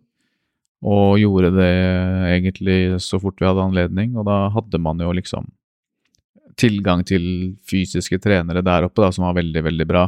Og i hockey så uh, var det jo uh, var det jo på en måte den Roy Johansen som var landslagstrener, egentlig vært landslagstrener på hele 2000-tallet, som starta en ny sånn revolusjon når det kommer til trening. da. Så var det jo to trenere spesielt oppe på Olympiatoppen. Det var da Pella Refsnes og Jon Aase som vi hadde, som uh, hadde på en måte ansvaret for, for uh, mye av løftingen til sokkegutta. Så husker jeg vi hadde sånn vektøkningsprogrammer og sånne ting. Og på de som var tynnest, så ble jo det kalt fra pinne til tønne. Så det var jo bare om å gjøre å legge på seg mest muskler, holdt på å si nesten fortest mulig. og det ble jo sagt det til oss da vi ble sånn 17-18 år. Vi var jo veldig sånn sped, egentlig. Og jeg er jo tynn den dag i dag, men fikk jo beskjed at hvis du skulle opp og spille seniorhockey, og spesielt i utlandet, så måtte du legge på deg 15-20 kilo, liksom. Så det, da, da, sier det seg selv at det blir mye tunge, tunge løft, og jeg tror jo også hockeyen uh, i Norge er uh, De var veldig, veldig tjent med det, måten de trente på, på da, og mange trener på nå også. men jeg tror det, lønner seg nok å fornye seg på veldig mange områder. Jeg tror man får mye igjen for det. Eh, men vi har alltid trent sånn klassisk sånn knebøy, frivending, eh, benkpress, sånne ting. I tillegg til at vi har løpt veldig mye, da. Ja. Men hva er det som er liksom de fysiske kravene i hockey, eller som var viktig når du spiller sånn Du spiller back, gjorde du ikke det? Hva er det som er viktig, på en måte? Hvor må du være sterk, og hva er det man uh, trenger for noe som hockeyspiller? Du bruker beina mye, åpenbart, men uh... Ja, altså hockeyen har jo forandra seg fra da jeg spilte òg, da. Den ble jo liksom Etter hvert så ble det veldig mye Uh, Den gikk jo fortere og fortere, og i mine tids, liksom mine første årene mine så fikk vi bare beskjed om å bli sterkere og bli større og sånne ting, for da skulle i hvert fall de som spilte forsvar, da skulle være ja, men de skulle være store og sterke, liksom, og så skulle kanskje de løperne være litt mindre og litt kvikkere, da, spesielt. Um, men etter hvert så har jo hockeyen blitt mer sånn at man, det skal gå fort, egentlig, for alle, og det er ikke sikkert det lønner seg å prøve å øke fra 170 til 180 i knebøy sommer. da. Du skal bruke hele sommeren på å gjøre det, for det er ikke sikkert du blir noe bedre hockeyspill av den grunn. Så tankegangen har jo endra seg litt uh, der. Syns jeg er veldig bra, da. Og jeg husker jo at jeg uh, Eller da Roy Johansen ble trener for oss i Vålinga, så fikk jo vi også han Jon Aase på, på heltid der, og hadde han med oss. Og det var veldig bra for Vålinga det, at vi hadde tilgang til han, og at vi ble litt verdsatt litt mer på treningssiden. da. Samtidig som jeg også tok litt ansvar selv for at jeg ble ja, men det begynte nesten å bli ja, 30 år, da, og så tenkte jeg at det er ikke sikkert jeg skal bruke hele sommeren på ja, men løfte 10 kilo mer i knebøy og risikere å bli skada i ryggen eller et eller annet, men heller trene litt annerledes, da, som jeg i hvert fall fikk, uh, fikk uh, mye igjen for de siste årene jeg spilte. Ja, for det husker jeg jo litt igjen eh, med den serien. Du drev med litt sånn turn og andre ting òg. Var det bare sånn av fri vilje at du ville liksom ja, utvikle kroppen fysisk på en annen måte, eller var det, ja, hadde noe med hockey å gjøre? Ja, både òg, egentlig. Ville Ville vel bare gjøre ting for å slippe å være, være hjemme. kanskje bare prøve å ja, men jeg var jo stiv, da, så liksom litt bedre mobilitet og sånne ting. Så, og mage og rygg er bra. Det får man mye av der, så det var liksom det var flere grunner til det. da. Men jeg har alltid likt å Det gjenspeiler kanskje litt meg òg. At jeg, hockeyen, som jeg sa, for meg har liksom vært en godt betalt hobby, da. Så jeg har liksom alltid drevet med mye annet ved siden av. det. Ja, og det er jo kult. Men hvordan er liksom nivået nå på Fordi Norge er jo ikke blant de beste hockeynasjonene i verden. Og det er jo heller ikke blant den beste ligaen i verden. Det er vel mer eh, andre steder. Hvordan er fordi Zuccarello har jo vært i USA en del, men det er jo ikke så veldig mange som man hører om som er sånn utenlandsproffer og veldig sånn store profiler. og Hvordan er nivået i Norge nå, og hva, hvordan ser du at det skal bli i fremtiden? Uff, det er litt vanskelig å si. Det er jo mange utenlandsproffer uh, som uh, spiller ute fortsatt, da, som um, bør få mye mer anerkjennelse og respekt enn det de, det de får. men jeg tror liksom at den generasjonen som er med meg, da, litt, litt yngre, som har spilt ute og som kommer hjem igjen nå, da, de, de har stått for mye, veldig mye bra i, på landslag og, og, for klubblagene sine. Og jeg håper at eh, det på en måte inspirerer de unge som kommer fram nå. da, At de skjønner at eh, de, er, de som har, tross alt har spilt ute i 10-12 år, de har lagt ned veldig mye arbeid for å komme dit. Uh, og skjønner at ikke det kommer gratis. Da. Og det håper jeg på en måte at uh, hockeyen får litt igjen for, fordi jeg tror jo liksom at uh, skal man henge med utviklingen, så kan det ikke være sånn som det er i Norge nå, med mangel på haller og dårlig, ikke, dårlig oppslutning blant publikum og sånne ting. For da, da er det tidsspørsmål før alle de andre rykker fra, og det vil du se på landslagsnivå. Ja, det er sant det. Sånn er det jo litt uh, andre sporter også. Men uh, det jeg lurer litt på, da, som jeg har lyst til å spørre om, er jo litt sånn uh, trenere i hockey og garderobekulturen. da. Kulturen generelt. Som du sa, det er en tøff garderobe å være i. Jeg har vært i en fotballgarderobe i mange år. Kommet opp som 16-17-åring og spilt med folk som var 30, og opplevde også det som ganske tøft. veldig sånn direkte. og så har jeg vært heldig og hatt gode trenere som har vært pedagogiske også. og igjen er jo min referanse er bare det jeg ser på TV, men det var jo det var mye faen i helvete og, og sånne type ting. Hvordan var, liksom, hvordan var det, og hvordan er det? Du har jo sagt til meg og fortalt at det funka jo for deg, eh, hvis man sammenligner med andre idretter hvor det kanskje er litt mer vanlig og ja, litt roligere og litt mer pedagogisk riktig, ja. kan man si det sånn? Ja, det er jo kanskje sånn at man uh, bærer litt uh, preg av hvor man er fra, hvilket miljø man har vokst opp i og sånne ting. Og det var jo Hockeyen har hele tiden vært ganske sånn tøff. Da. Det er sånn, å, du skal være hockeyspiller, ja, da er du tøff, og du kan slåss, og du har ikke tenner og sånne ting. Som var litt sånn steinalderen, egentlig. Uh, og det bærer jo fortsatt litt preg av. Og det er jo gjerne sånn at de trenerne som, i hvert fall da jeg spilte, da, de har igjen blitt skolert av trenere som kanskje holdt på på 80-90-tallet, som var av den gamle skolen, da. Jeg vil jo si at miljøet, altså det å vokse opp i eh, i en hockeygarderobe er på alle, mange mulige områder, på alle mulige områder bra. Selv om uh, det miljøet som var, eller det som det har vært i Vålinga, det er tøft. Veldig direkte. Du, det er veldig mye meldinger og slenger mye dritt til hverandre. Det er ikke vondt ment sånn sett, men du må være hardhuda for å tåle det. Og du må bli hardhuda for å liksom komme deg gjennom det, da. Og det nytter liksom ikke å uh, bli prega av hvis du får en melding eller om noen slenger litt dritt til deg, uh, som gjør at du ligger og tenker det på kvelden, liksom, da har du på en måte nesten tapt, da, for da blir du på en måte spist opp av miljøet. Så det er tøft. Hvis du tar liksom sånn som vi hadde det da vi vokste opp og da vi kom på A-laget, så er det sånn Det er jo nesten sånn, om man snakker, kanskje litt stygt å si, men det er nesten mobbing, ikke sant. Selv om ikke det er noe vondt ment til så er det jo liksom Man er jo stygge mot hverandre, men med litt glimt i øyet og med litt sjarm, da. Og man er, selv om man eh, slenger litt dritt og man krangler litt eh, i ny og ne, så er man jo håper å si, kompiser når man går ut av døra på Jordal. Når man er ferdig på trening og ferdig på kamp. og det er litt av den stilen som, som hockeyen har, og hockeyen er. Men eh, for eksempel skal det trenere på den tida, de også var liksom Litt sånn mm, at man slenger heller en melding og 'hvorfor gjør du ikke det, er du dum', liksom, eller ja, 'du må gjøre sånn og sånn', liksom, istedenfor, da. Uh, skjønner du ingenting? og liksom, Det er sånn veldig enkle beskjeder, da, og man må liksom finne ut av å prøve å løse ting på egen hånd i mye større grad enn kanskje hvis man har en mye mer pedagogisk tilnærming, da.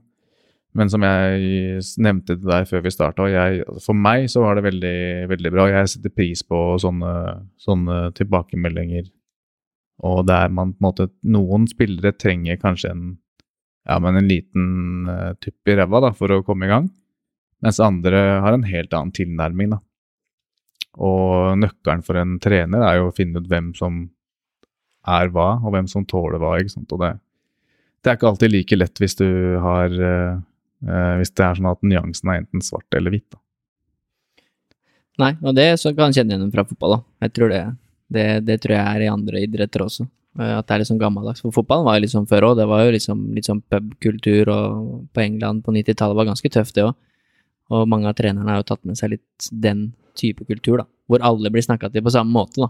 Om du forklarer det enkelt. Som du sa, hvor kanskje noen trenger egentlig noe annet, og for noen funker det bra. Men fordi det ikke funker bra for, så funker det jo ikke i det hele tatt. Og da kan det jo bli vanskelig å prestere òg.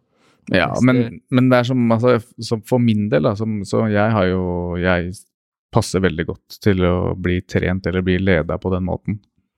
Litt som jeg sa, bærer preg av det miljøet man vokser opp i og sånne ting, og da blir det gjerne sånn. Men, men en fin miks tror jeg nok er, er, veldig bra. Jeg tror ikke vi skal Vi må ikke undervurdere det å være direkte til hverandre heller. Jeg syns jo det er veldig mange som vokser opp nå som der det nesten ikke er lov å kjefte på hverandre. Eller du kan eh, si noe Eller slenge en melding til hverandre. Eller at det, at det stilles krav da, i en mye større grad enn en, en det som kanskje det er nå. Eh, og jeg Altså det blir en liten digresjon, kanskje, men jeg, jeg har begynt å spille fotball uh, for et lag i Sandefjord. Uh, og spilte det, trente med de ja, hele høst og spilte noen kamper og sånn i fjerdedivisjon. Og da veldig stor sprik i aldersspennet der. Da. Veldig mange yngre uh, som, ikke, som, går på videregående og andre klasse og tredje klasse, som er under 18 år. da. Så er det noen som er litt eldre, mye eldre enn meg, og så er det noen par på min alder. da. Og det er jo gjerne sånn at eh, når det er så stor alderssprik og forskjeller, da, og liksom noen er vant til å være direkte, mens de som vokser opp nå, de er liksom Får de en melding eller får de litt kjeft, da, så virker det som veldig mange Sa ikke jeg dere alle under en kam, men uh, virker det som veldig mange går i kjelleren. Da. Og det syns jeg liksom er en uh, Det er ikke en trend som jeg tror uh, kommer til å gagne personer som vil bli gode i idrett. Da. Fordi jeg vet i hvert fall at i utlandet så er det veldig mye tøffere enn det det er her i Norge. Og du vet jo det selv som jobber i utlandet, at det er jo der, der er harde bud, liksom. og Leverer du ikke, så er det en annen som står bak deg i køen som er klar til å levere. og mens i Norge så er det litt sånn at man skal passe på hverandre, og man skal liksom dulle litt med hverandre og sørge for at alle har det bra hele tiden. Da. Sånn at man, man skal utvikle toppidrettsutøvere, liksom. Ja, det er sant, og det er veldig viktig og fint å se det på den måten også. Og som du sier, jeg har vært i utlandet det siste halve året, og det er veldig annerledes enn å være i Norge. Det, du blir utsatt for litt andre ting, litt andre måter å løse ting på, uh, som er krevende å tilpasse seg til. Da. Og jeg ser også at det er krevende for de som er spillere, da. Og det er tøft, og da er det greit å ha med seg litt da, i, når du kommer. Og ha litt grann, liksom, bein i nesa. Jeg tror det er viktig. Det ser man jo de fleste. Og de som er gode, har stort sett det, da. Det ser man jo på landslaget som tok VM-gull nå, også at det store profilene. De har jo litt bein i nesa òg. Tør å si litt hva de mener og ja, altså noen har jo det medfødt, liksom, mens andre får det gjennom uh, tøffe Eller mer gjennom erfaring, da. Og ja. det er ikke Altså, å bli toppidrettsutøver i dag, det er ekstremt mye arbeid, og det er mye tid som skal legges ned, men du må ikke tro at det kommer gratis, liksom. Og du må ikke tro at du at du blir best i det du har lyst til å drive med, og bli dulla rundt med, liksom. Sånn, altså, sånn, sånn er det ikke. Sånn er ikke virkeligheten, og det er mulig den er det i veldig mange steder i Norge, men, men uh, ute i den store verden så er det liksom ikke det. da, og jeg tror Norge har mye å lære når det kommer til, uh, til den mentaliteten i utlandet, egentlig. Ja, det er en kul måte å se det på. og Noe annet jeg syns var kult, var at du sa at du har fått egentlig Du ser på det som at du har fått betalt for å drive med hobbyen din. Og det syns jeg var en kul måte å se på det. At du har, du har tross alt vært landslagsspiller og spilt på Eliteserien i mange år. Og du har jo vært toppidrettsutøver i med form av tid du har lagt ned og nivå du har spilt på. Men kult å se på det på den måten, for det har jeg ikke hørt før uh, av de jeg har prata med. Nei, jeg husker, jeg husker, det var kult, faktisk, eller nevner det, da, men uh, da jeg uh, Altså, når man jobber i jeg tror det er sånn fortsatt. Hvis man jobber i stat eller kommune, så kan man jo søke om eh, permisjon med lønn hvis man eh, er ute og representerer Norge da, i forskjellige situasjoner eller idretter eller hva det enn er. Så jeg husker jeg jobba jo fast på, på en skole, passa på en, en, i rullestol. da. Og da, hver gang det var samling, landslagssamling eller eh, VM, eller hva det enn var, så kunne jeg søke permisjon med lønn da, og fikk, fikk egentlig alltid det. da. Og jeg husker det ene gangen så røyk vi ut i kvartfinalen, dvs. Si at vi var ferdig med sesongen i mars, og VM er i mai. Så vi hadde vel nesten to måneder da, på samling og oppkjøring og VM. Og da husker jeg at da fikk vi jo Eller jeg fikk jo eh, permisjon med lønn da fra skolen, så jeg var så fornøyd, for da fikk jeg liksom dagpenger fra landslaget, pluss at jeg fikk betalt for den jobben som jeg ikke gjorde da. Da, da var det noen av gutta som var misunnelige. ja, det er en fin løsning. Så du har jo fått uh, ordna deg bra. Og du har jo det som er fint å se, du har jo ordna deg bra etterpå også. Som du sa, du, du, sa det så vidt, du har ikke noe utdannelse og sånne ting. Og jeg er også litt sånn gammeldags på det at jeg er ikke så opptatt av disse hva skal du si, titlene og alle utdannelsene som folk har. Jeg er mer opptatt av liksom, hvem er du, og hva kan du bidra med. Uh, og så er det selvfølgelig noen yrker du må ha det, da. Skal du bli kirurg eller noe, så må du jo utdanne deg, men Jeg tror det er, det er greit at legene har mer enn fem år på skolen. Altså. Ja, ikke sant. Men det er veldig mye du kan få til også uten, da. Og du har jo løst det tilsynelatende bra. Så det kommer litt inn på det neste. Når du slutta med hockey, og nesten før det òg, så begynte du som brannmann. Og det jobber du som nå. Og der er det litt turnuser. Eh, og så jobber du litt i Smartfish, som vi skal nevne på slutten. Men hvordan er det å jobbe som brannmann i Norge? Hvordan, hva, hvordan oppgaver er det du har, og trives du i det yrket? Ja, jeg, for meg så passer det yrket veldig godt, i hvert fall. Uh, selvfølgelig ikke alle som, som, gjør det, som alt annet. Men uh, jeg liker å bruke hodet og bruke kroppen. Uh, Syns det er veldig ålreit å være der det skjer, og litt sånn nysgjerrig på hvordan alt liksom fungerer, da. Eh, men det er jo et fag, brannfag òg, eh, som egentlig trigger meg mest, da. Eh, men det er jo morsomt eh, og at man kan gjøre så mye forskjellig, da, eh, som egentlig er vel i bunn og grunn gjør at vi bare ordner opp for alle, egentlig, som jeg syns er veldig ålreit. Jo selv om mange kanskje tenker at det er veldig mye branner og sånne ting, selv om det har vært litt i det siste, så så gjør vi jo, som du sier, veldig mye annet. Det heter jo brann og redning veldig mange steder. Og det er jo mye helseoppdrag og bistå ambulanser og alt fra fugl i skorstein til uh, pipebranner til alt mulig, liksom. Så det er, det er veldig, veldig varierende hverdag, da. Uh, og det er en veldig uh, Kan være krevende også. Kan, du kan se mye rart i ulykker og, og hvis det er hjertestanser og sånne ting. Så men får veldig god oppfølging ved spesielle hendelser. Men for min del, som har den bakgrunnen jeg har og ikke har noen utdannelse og sånne ting, så passer det egentlig veldig bra. Og jeg husker at det var jo noe som jeg på en måte peila meg inn på da jeg ble, eh, begynte å bli voksen òg, da. Ja, det er som du fortalte meg litt, at det er jo det er mange andre arbeidsoppgaver enn å slokke brann. Som ja. man kanskje ser for seg at det er, da. Jeg fortalte deg den historien nå, at jeg var jo sammen med en kompis, og så var jeg bevitne, eller vitne til at noen krasja ganske stygt. Og så var vi de eneste som var der. Og de i den bilen var veldig skada. Han ene var jo helt bevisstløs og lå helt umulig til, da. Og da var det de som kom først, var jo brannvesenet. Som begynte med forskjellige typer ting og skjærte ut stoler og seter og alt mulig for å få løst personen, da. Så det er jo, som du sier, sikkert mye, mye tøft å se òg. Ja, det er jo veldig Det er det, litt sånn som du er inne på, da. Det er det spotet jeg syns er veldig gøy. Da. Du kommer til et sted, eh, og du gjør en jobb, og, og så lar du de som på en måte kan, kan gjøre en annen jobb bedre enn det du tar, ta over, da. Men vi skal gjøre det tilrettelegge mest mulig for dem, da. Gjøre det vi kan eh, fortest mulig og best mulig for pasienter og sånne ting. Så det er veldig, veldig inspirerende, egentlig, altså. Og så er det litt fysiske krav også til å være brannmann?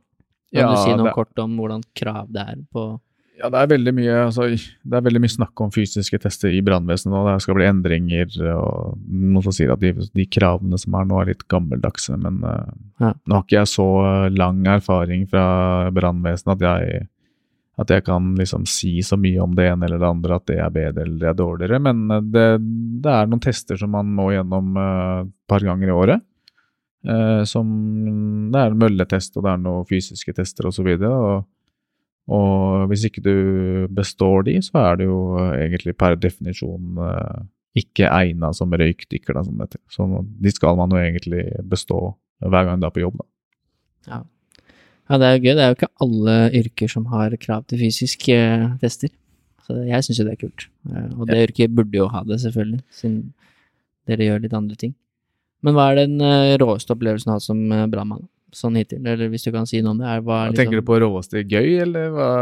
ja, enten gøy eller sånn det sjukeste, da? Eller har du gjort noe liksom Ja, nei, altså det har jo vært øh, Det har ikke jeg opplevd noen store branner eller noen sånne, sånne ting, men det har vært noen trafikkulykker og, og litt sånne ting, og mm, egentlig vært, vært veldig sånn jeg Har ikke hatt noen store hendelser i, eh, i beltet som jeg kan skryte over, altså. Nei, Men det kan hende det kommer noe. Jeg håper jo egentlig det, da. Jeg er jo så fersk i yrket at jeg håper jo det skjer noe hver vakt. Trenger jo ikke å, uh, trenger jo ikke å gå noe liv tapt, liksom, men det, det er jo kult at det skjer ting, liksom. For du har tenkt å fortsette som brannmann? Ja, det er i hvert fall det jeg har lyst til. Ja. Så uh, får vi bare se om uh, hvor lenge det varer. Eh, og så ved siden av brannmann så jobber du jo litt i Smartfish. Eh, og de har jeg snakket litt om før. På den forrige sesongen min så hadde jeg noen reklamer for Smartfish, og jeg bruker det hver dag, står på bordet her òg nå. Og det har jeg egentlig brukt hver dag eh, siden jeg prata med deg om det for første gang for eh, jeg vet ikke om det er et par år siden eller noe sånt. begynner med en stund siden. Ja, og jeg har mange utøvere som bruker det. Nå er liksom halve Bucuresti bruker det. Jeg blir sikkert skutt i Romania hvis jeg sier det, men det er ingen av de som hører på det her uansett. Nei. Uh, og Storhamar bruker det, og jeg kjenner veldig mange som, som syns at Smartfish er bra, da. Og det er det jo også. Og du har jobba der ganske lenge, for dette begynte du jo med når du spilte hockey. Kan du si noe om den jobben? Den er jo kanskje ikke like omfattende som det var brannmann, men eh, Jo, altså, den er jo kanskje mer, om, altså, kanskje mer omfattende, egentlig. Det er jo ja. vanlig 100% øh, stilling, holdt jeg på å si. Som, øh, det er jo salg og mye administrasjon og sånne ting, da. Eh, en vanlig jobb, sånn sett. Men jeg begynte vel, Jeg er vel nesten ja, ca. åtte år siden. Så søkte jeg bare på en Det hang en sånn lapp på Olympiatoppen, og så søkte jeg på, på stillingen, og så fikk jeg den da gjennom noen intervjurunder. Og for det første så er det jo liksom veldig nytt, eller det var veldig nytt for meg. Ikke noe erfaring med ernæring eller trening eller sånne ting, men eller forskning. Det er jo et veldig kjedelig selskap sånn sett, som står for veldig mye forskning og utvikling. da. Eh, Det er ikke noe sånn brand, sånn som Red Bull eller de andre Nok og alt det der.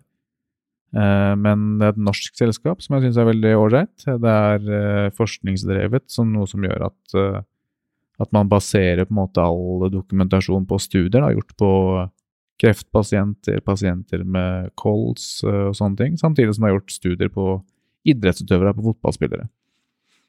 Og øh, de studiene er veldig bra, og drikken er veldig bra, blir liksom skrytt opp i skyene av, øh, av personer som er ernæringsfysiolog, altså nutritionist, da, som det heter i Storbritannia. Performance nutritionist og alt mulig sånn, så det gjør at vi jobber liksom veldig med toppidretten, da. Og det syns jeg er gøy. Det er et miljø jeg kjenner til, og et miljø som jeg liker å jobbe i òg. Så syns jeg det er veldig ålreit å reise rundt og se hvordan fotballspillere gjør det, håndballspillere gjør det osv. Smartfish er veldig store i fotball og håndball spesielt.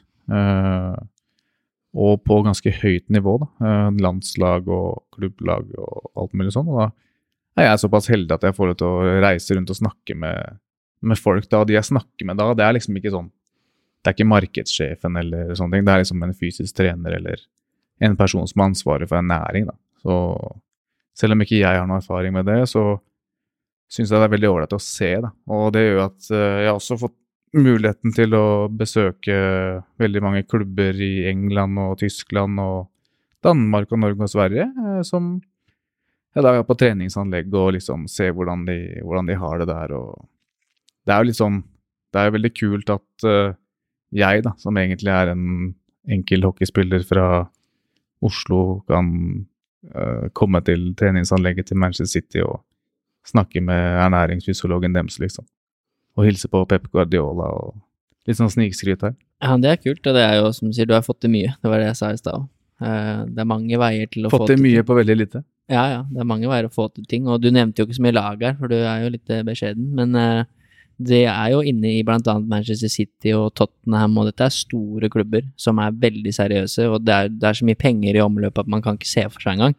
Så dette er jo ikke snakk om bare Altså, dette er ikke et tulleselskap, selv om det ikke er så stort i Norge. Det er veldig seriøse aktører som kjøper det, hvor det er strenge krav til doping, og at det er godkjent, og eh, Smartfish går gjennom uh, Informed Sport, som er veldig, veldig liksom kjent for å være safe, da.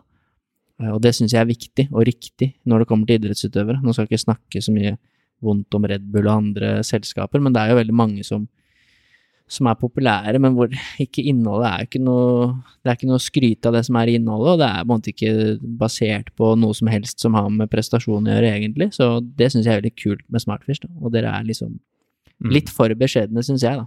Ja, det, det har jeg sagt til min ledelse, at man vi bør kanskje være litt, ha tærne litt frem, lenger frem i skoa. Men, eh, men eh, det er litt som du sier, det er ikke, det er ikke noe kult å gå rundt og drikke en smartfri. Liksom. Det er mye kulere å gå rundt med Nocco og sånne ting. Så såpass ærlig, såpass ærlig må vi være. Men det som jeg syns er eh, altså hvis, For å forstå det litt, da, i det store og det hele, så uh, de klubbene som jeg nevnte og du nevner nå, at det er jo klubber som uh, investerer vanvittig mye uh, penger i spillerne spesielt.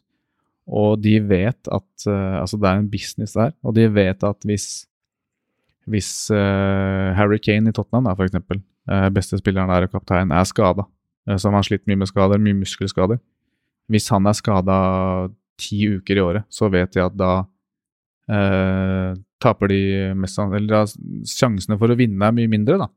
Og da pluss at de må betale fem millioner i uka til en person som ikke spiller, liksom.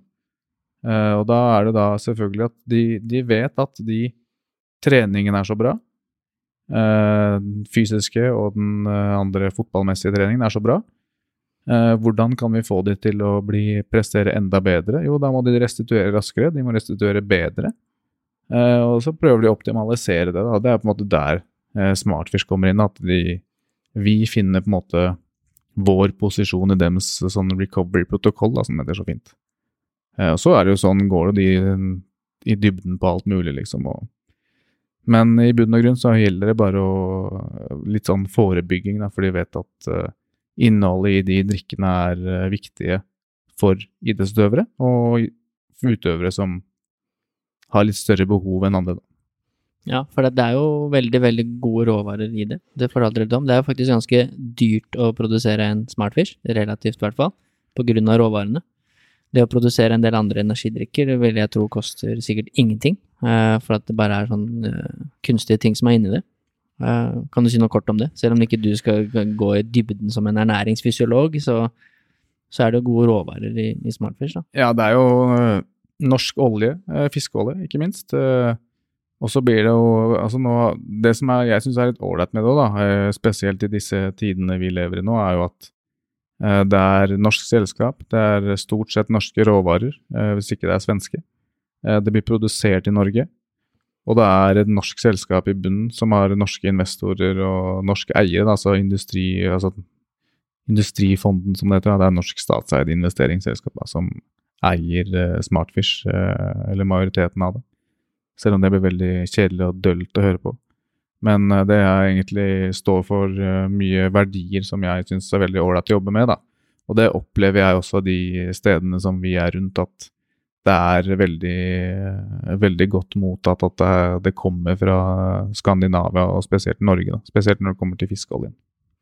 Ja, det er kult, og det som er litt sånn ekstra kult som jeg fikk erfare, jeg har brukt Smartfish hver dag eh, veldig lenge, og det er jo alltid vanskelig med sånne produkter, altså det er jo ikke sånn at dette her, som du sa, dere finner deres plass i protokollen til restitusjon, og det finnes jo ekstremt mange ting å fokusere på der, og stoffer du skal ha i deg, vitaminer og mineraler og så og hovedsakelig er det jo omega-3 og litt D-vitamin som er i Smartfish, så det er ikke sånn at det revolusjonerer verden, men det er veldig, veldig viktig, og det er jo faktisk en essensiell olje som du må ha i deg. Men det jeg syns er litt kult, er at jeg har vært i Romania i et halvt år, og der er det veldig vanskelig å få tak i bra fisk. Og det å se det fra det perspektivet har jeg aldri tenkt på, fordi når jeg spiser mye fisk, da, og er heldig som har en eh, stefar som er fisker, og jeg får veldig mye ørret, laks og sånn fra norske elver, som ikke er oppdrett, da, som derfor også har veldig mye høyere kvalitet på blant annet protein og fiskeoljer. Mens i Romania har det vært fryktelig vanskelig å få tak i fisk som smaker godt, og få tak i fisk som på en måte er bra kvalitet, da. Eh, Det er ofte reist langt, det er ofte fryst ned altfor lenge, det smaker ofte ikke noe særlig godt, eh, og det de har av bra fisk, er ofte hvit fisk, da, som ikke inneholder like mye av de oljene, så der er også behovet litt større. Jeg har også sett at spillerne der har litt mer behov for det, fordi de spiser jo ikke omega-3, altså de har dårlige kilder på det. Så det er også en grunn til at, at veldig, veldig mange spillere i Bucuresti, også fra Øst-Europa, har jo begynt å importere Smartfish ned dit, da. Fordi de skjønner verdien av det. Og det syns jeg er et kult perspektiv, som jeg ikke hadde fått hvis jeg ikke hadde vært der nede, da.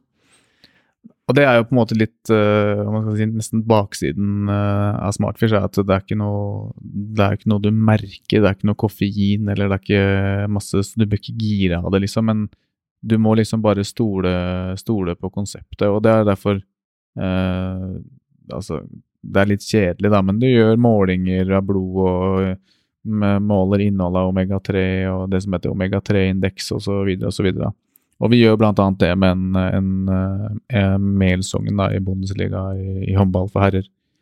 Eh, nå, og vi ser at de spillerne der har altfor lave nivåer da, av eh, spesielt omega-3 og D-vitamin, som egentlig er ganske sånn unisont for idrettsutøvere generelt.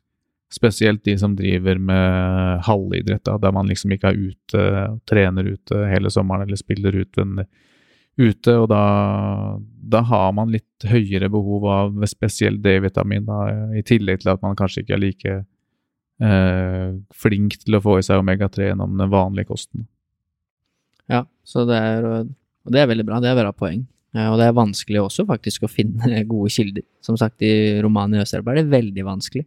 Men det kan jo faktisk være litt utfordrende i Norge òg. Skal du ha fisk av høy kvalitet, så er det ofte dyrt og vanskelig å få tak i også. Eh, så det er jo et produkt som, som appellerer veldig til folk som driver med idrett, som du sier. Mm. Og det er flere og flere som bruker det.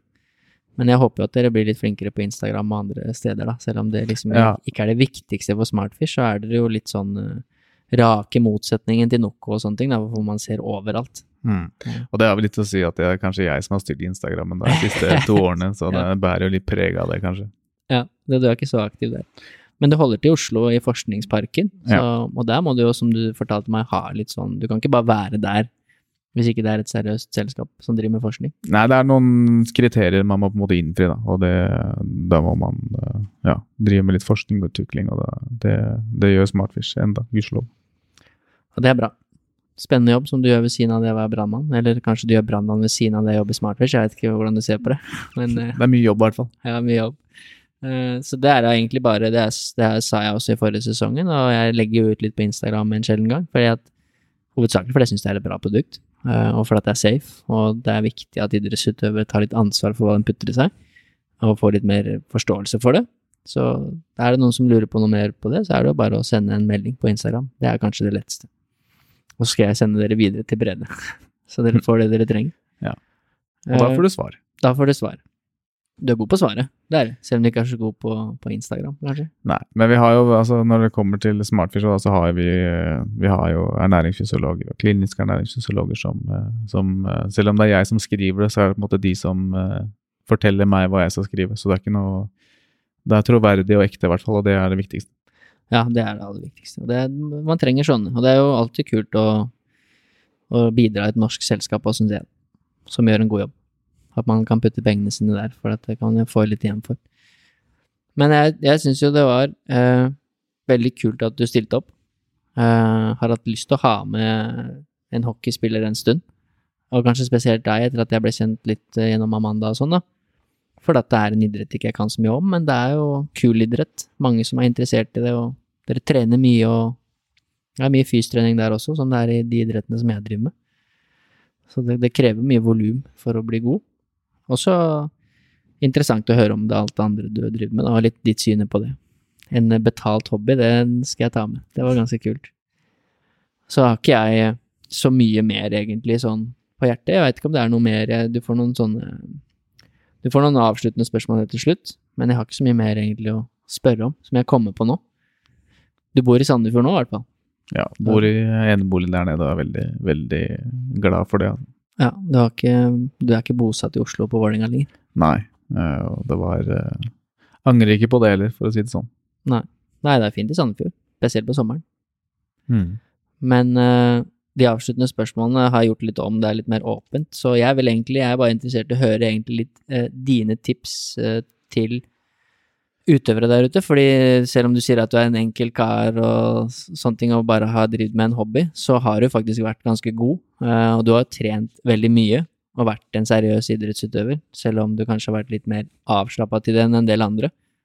Så du var, har vært snakka litt om det i forhold til det at man må skjønne liksom konsekvensen og alvoret i det å bli god og kan ikke bli dulla med og sånn, men hva er dine tips til unge utøvere som, som driver med idrett, som har lyst til å bli gode, da? Som vokser opp på en litt annen måte kanskje enn sånn som du vokste opp, da? Oi, det var et dypt, uh, dypt spørsmål. Ja, kanskje det, jeg vet ikke. uh, nei, hva Det viktigste er jo egentlig å i hvert fall ha tro på deg selv, da. Ikke la andre Ikke la andre komme med ting eller usakligheter som, uh, som preger deg, egentlig. ta ansvar for det du, det du driver med, er jo kanskje kanskje noe som er viktig, og samtidig som jeg syns at man eh, Det er viktig at du har det gøy med det du driver med, da, og samtidig som du er seriøs og sånne ting, så er det også viktig å uh, ha det moro. Du må ha det gøy, du må konkurrere, og du må synes at det du driver med er eh, ålreit. Så må, det være viktig å koble av, da. Ja, gjøre litt andre ting ved siden av. Men jeg synes også, som jeg la merke til, som jeg syns var litt kult, da, som vi kan avslutte med, var at du sa du var veldig takknemlig for at du har fått lov til å velge å legge opp med idretten din. Uh, det syns jeg også var fint, fordi da, senest i går så var det en håndballspiller som jeg har trent, som la opp uh, med håndball. Hun er bare 23 år. Uh, har vært veldig god og hatt kjempepotensial, og har jo for så vidt det enda, men har lagt opp pga. skader. og sånn sett ikke valgt det sjøl, da. og det tror jeg er ganske tøft. det vet jeg er tøft, da, for henne.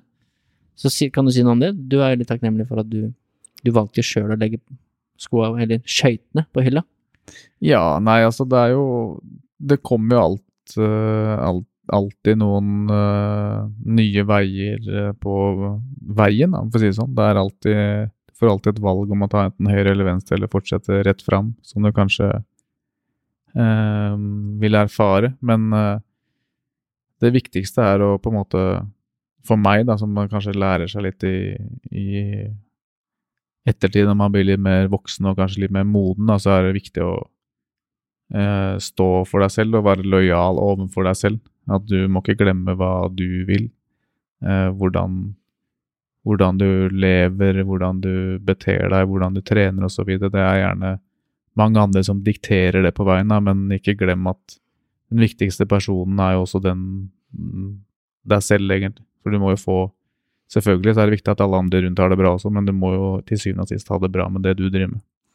Og uh, hvis du er så heldig at du finner ting som kanskje er morsommere uh, den dagen det skulle dukke opp, da, så uh, må du ta det valget overfor deg selv, ikke overfor andre personer. Og Det er et veldig godt tips. Det er ikke så gærent av en enkel kar fra Oslo. det var ganske dypt, det. Ja, det ble veldig, veldig dypt. Ja, det syns jeg var fint. Dere har en sånn hockeyspillere, det er ikke bare sånn sånne slåsskjemper. Det er litt uh, andre ting der òg. Ja, tro det eller ei. Tro det eller ei. Men jeg syns det var en veldig fin episode, og gode tips du kom med på slutten. Og uh, du er jo av min generasjon, du er et par år eldre, som vokser opp uh, på en litt annen måte enn de som vokser opp nå. Jeg syns mange av de tingene du sier er veldig viktige å ta med seg. For det er fort gjort å miste seg sjøl nå, tror jeg. Vi hadde ikke så mye eksponering for ting når vi vokste opp som de har nå, da det er veldig vanskelig kanskje å vite hvem man er og hva man skal drive med. Det er så mange som har meninger om alt du gjør, da.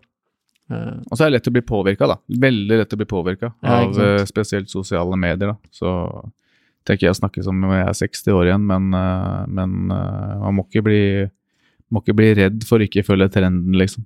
Nei, det er viktig å, som du sa, fokusere på det som er viktig for deg, og tørre å stå opp for det. Ta ansvar. Det var veldig bra tips som mange der, unge der ute kan ta med seg. Så jeg må bare si takk for at du stilte opp. Det har vært kjempebra. Jo, takk for det. Eh, og så kan jo folk se den filmen som kommer ut òg, fra Jordal, og prate litt om hvor du har vokst opp, og det er kult. Så tusen takk, Brede. Bare hyggelig. Tusen takk for at du har satt av tid til å lytte. Det setter jeg stor pris på, og jeg håper at du sitter igjen med noe verdifullt. Hvis du ønsker mer inspirasjon til trening og helse, følg meg, coach Elo, på Instagram. Der kan du også stille meg spørsmål, samt komme med tilbakemeldinger til podkasten. Du finner lenken i episodebeskrivelsen.